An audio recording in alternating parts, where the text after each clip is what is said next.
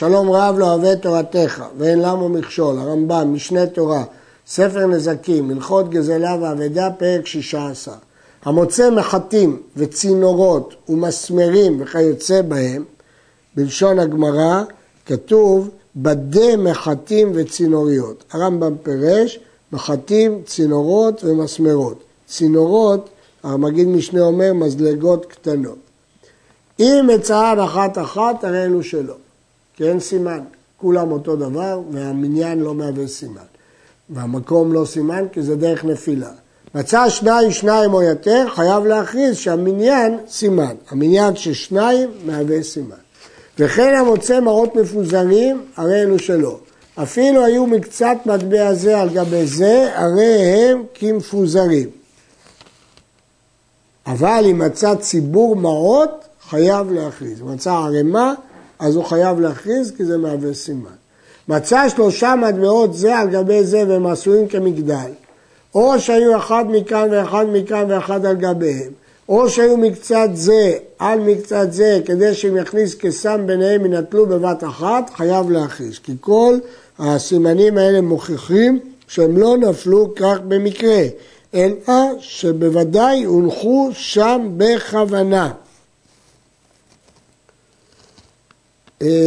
ואם היו עשויים כשיר או כשורה או כחצובה או כסולם, הרי זה ספק ולא ייטול. כל המקרים האלה זה ספק אם זה נקרא, נפל במקרה או לא נפל במקרה.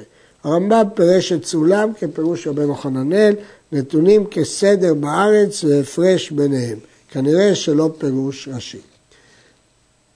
יש להעיר שפה הרמב"ם אומר שרק שלושה מטבעות זה סימן. לגבי מחטים הוא אמר שאפילו בשניים מניין מהווה סימן ויש לחלק בין מחטים לבין מטבעות. המצא מעות בכיס או כיס כמות שהוא חייב להכריז כי הכיס יש בו סימן והמעות האלה שייכות לכיס. מצא כיס ולפניו מעות מפוזרים הרי אלו שלו, המעות, כי הן לא קשורות לכיס. ואם מראים הדברים שהכיס והמעות של אדם אחד ומן הכיס נפלו, חייב להכריז, כמו שאמרנו, לגבי פירות, יש הוכחה שהם שייכים לבעל הכיס.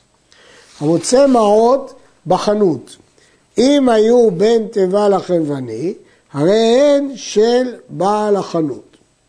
ואם מצאן על התיבה ואין צריך לומר בתיבה ולחוץ, הרי הם של מוצאם. רש"י מפרש שמדובר בדבר שאין בו סימן. כיוון שיש תנועה תמידית של עוברים ושבים, הבעלים מתייאשים. גם מהרמב"ם משמע, הרמב"ם אומר, המוצא מעות, לא סתם מוצא בחנות, אלא מעות, וזה דבר שאין בו סימן. המגיד משנה אומר, שאפילו אם זה יהיה דבר שיש בו סימן, אם רוב הנכנסים הם גויים, אין חובת השבה. והרשב"א אומר שאפילו שרובם יהודים, הבעלים מתייאשים, כי הם אומרים, מן הסתם בעל החנות לקח אותם לעצמו. מצאם על התיבה, אין צריך לומר מתיבה ושל החוץ, הרי הם של מוצאם. הדין של על התיבה לא כתוב במשנה. והרמב"ם למד את זה מהדין של שולחני. שואל הרמב"ם, אמרנו שאם זה מהתיבה ולחוץ, או על התיבה, זה של מוצאם. ולמה לא תקנה החנות לבעל החנות? הרי חצר קונה, לפי שאינה חצר משתמרת. ואף על פי שבעל החנות בתוכה. צריך לומר, תקנה לי חנותי כמו שהתבהר. אי אפשר שהחצר יקנה לו בלי שהיא משתמרת, או שהבעלים שנמצא שם אומר, תקנה לי חנותי. הרייבד משיג על הרמב"ם, ואומר שאפילו האמרה תקנה לי רשותי, לא ברור שהיא תועיל, כיוון שהמציאה באה לפני ייאוש. ולכן בעל החנות לא יקנה מציאה שבאה לפני ייאוש. מצא מעות בחנות, השולחני, חנות של שולחני שמחליף כספים, בין כיסא לשולחני, הרי אלו של שולחני, כי יש להניח שנפלו ממנו. מצאן על הכיסא לפני השולחני. אפילו היו צרורים ומונחים על השולחן, הרי אלו של מוצאן. והוא שיהיו רוב גויים, כמו שביארנו. אבל אם היו רוב ישראל, חייב להכריז מפני שהם צרורים, יש להם סימן. אם הם לא צרורים, אז בכל מקרה זה של ישראל, כי אין מוצאן, כי אין בהם סימן. אבל אם הם צרורים, אז ברוב גויים זה של מוצאן. ברוב ישראל חייב להכריז כי יש בזה סימן. כבר הזכרנו שדעת הרשב"א, שאפילו בדבר שיש בזה סימן בחנות, אפילו ברוב ישראל, הרי אלו שלא, כי הוא מתייאש. אבל הרמב"ם חולק. הלוקח פירות מחברו, או ששלח לו חברו פירות, ומצא בתוכן מעות צרורות, נוטל ומכריז, כי ברור שזה סימן. בצען מפוזרות, הרי אלו שלא, כי אין סימן. במה דברים אמורים? ושהיו הפירות מן התגר, או מבעל הבית שלקחה מן התגר. אבל אם בעל הבית דש הפירות בעצמו על ידי עבדיו של חותיו הכנענים, הרי זה חייב להחזיר. כאשר הוא לקח מתגר, אז ברור שהוא התייאש, הוא הרי אלו שלו. אבל כשהוא לקח מבעל הבית, יש להניח שזה שייך לבעל הבית, והוא הטמין את זה בתוך הלחם, ובטעות אחר כך הוא מכר את זה. המוצא מטמון בגל או בכותל ישן, הרי אלו שלו. שאני אומר שלגויים הקדמונים הם. והוא שימצא אותם מטה מטה כדרך כל המטמוניות הישנות. אבל אם מראים הדברים של מטמון חדש, אפילו נסתפק לו הדבר הזה, לא ייגע בהם, שם המונחים הם שם. ספק קינוח לא ייטול, הרי מוכח שזה לא מטמון ישן, אז רק במטמון ישן. שואל הרמב"ם קושייה, והואיל וחצרו של אדם קונה לו שלא מדעתו כמו שהתבהר, למה לא יקנה בעל לחצר? זה המטמון שבתוך הכותל הישן, אבל פי שהוא של אמוריים, למרות שהוא של הגויים הקדמויים, מדוע שבעל החצר לא יקנה?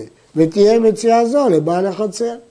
מפני שאינה ידועה לו ולא לאחרים, והרי זה המטמון אבוד ממנו מכל אדם, ולפיכך הוא של מוצא. ומה אבדה של אדם, אמרה התורה, אשר טובת ממנו ומצאתה, מי שעבודה ממנו מצויה אצל כל אדם, יצא זו שנפלה לים, שעבודה ממנו מכל אדם, קל וחומר למטמון קדמוני, שלא היה שלו מעולם, והוא אבוד ממנו מכל אדם, לפיכך הוא של מוצאו. הרמב"ם מחדש פה חידוש, מקל וחומר, ואומר שאנחנו מניחים שכמו אבדה בים, שהיא מופקרת, גם המטמון הזה של הגויים, אבודה ממנו וכל אדם, אין לה דין של אבדה. האחרונים חולקים על הטעם הזה ומביאים הסברים אחרים. יש ראשונים שהסבירו שחצר לא קונה בדבר שאדם לא ימצא אותו מעולם. אם ייתכן שהדבר לא יימצא מעולם, אין דין של קריאה חצר. מצא מטמון בכותל חדש, אם המטמון מוכיח שהוא לבעל הבית, הרי שלא. ואם מוכיח שהוא לאחד מן השוק, הרי הוא של מוצאו. כיצד? הסכין, הרי הניצב שלו מוכיח. לפי צורת נוחת הסכין, אני יכול לדעת אם הניח את זה מישהו מהרחוב או הניח את זה מישהו מבני הבית. כצ... אה, הכיס, פיו מוכיח, ואם נמצא תוך הכותל מלא מהם, חולקים. כלומר, אני צריך מתוך הנסיבות לדעת אם אחד מהעוברים ושבים הניח, הוא יתייאש, הרי אלו של מוצאו. אבל אם בעל הבית הניח, צריך להחזיר לו. יש להעיר שהראשונים שואלים, הרי הסכין הזה לכאורה יש בו סימן, צריך להניח שמדובר שאין סימן. היו בתוך הכותל מראות או לשונות של זהב שאין שם מוכיח, אין להם פה ואין להם ניצב, הם, אפשר לחשוב ששמו אותם בפנים או שמו אותם מבחוץ. וחציו ולחוץ של המוצא, חציו ולפנים של בעל הבית. ויראה לי שאין הדברים אמורים אלא בשטרן בעל הבית שהמטמון שלו, או שהיורש שאנו טוענים לו, יש דין תענינן ליורש, שמא של אביו הם. אבל אם הודה שאין יציאה, הרי הם של מוצאם, אם הוא בעצמו מודה שזה שלו, זה לא שלו, בוודאי שהוא לא יזכה בזה. לפיכך, אם היה מזכיר הבית לאחרים, הרי הם של הסוחר האחרון, כי הגיוני שהם נפלו ממנו. ואם הזכירו לשלושה גויים כאחת, הרי עשהו פונדק. וכל הנמצא בו אפילו בתוך הבית, הרי הוא של מוצאו. פני שאין אחד מהם יכול לטעון שם שלו הוא שהוא תמד, שהרי עשהו פונדק.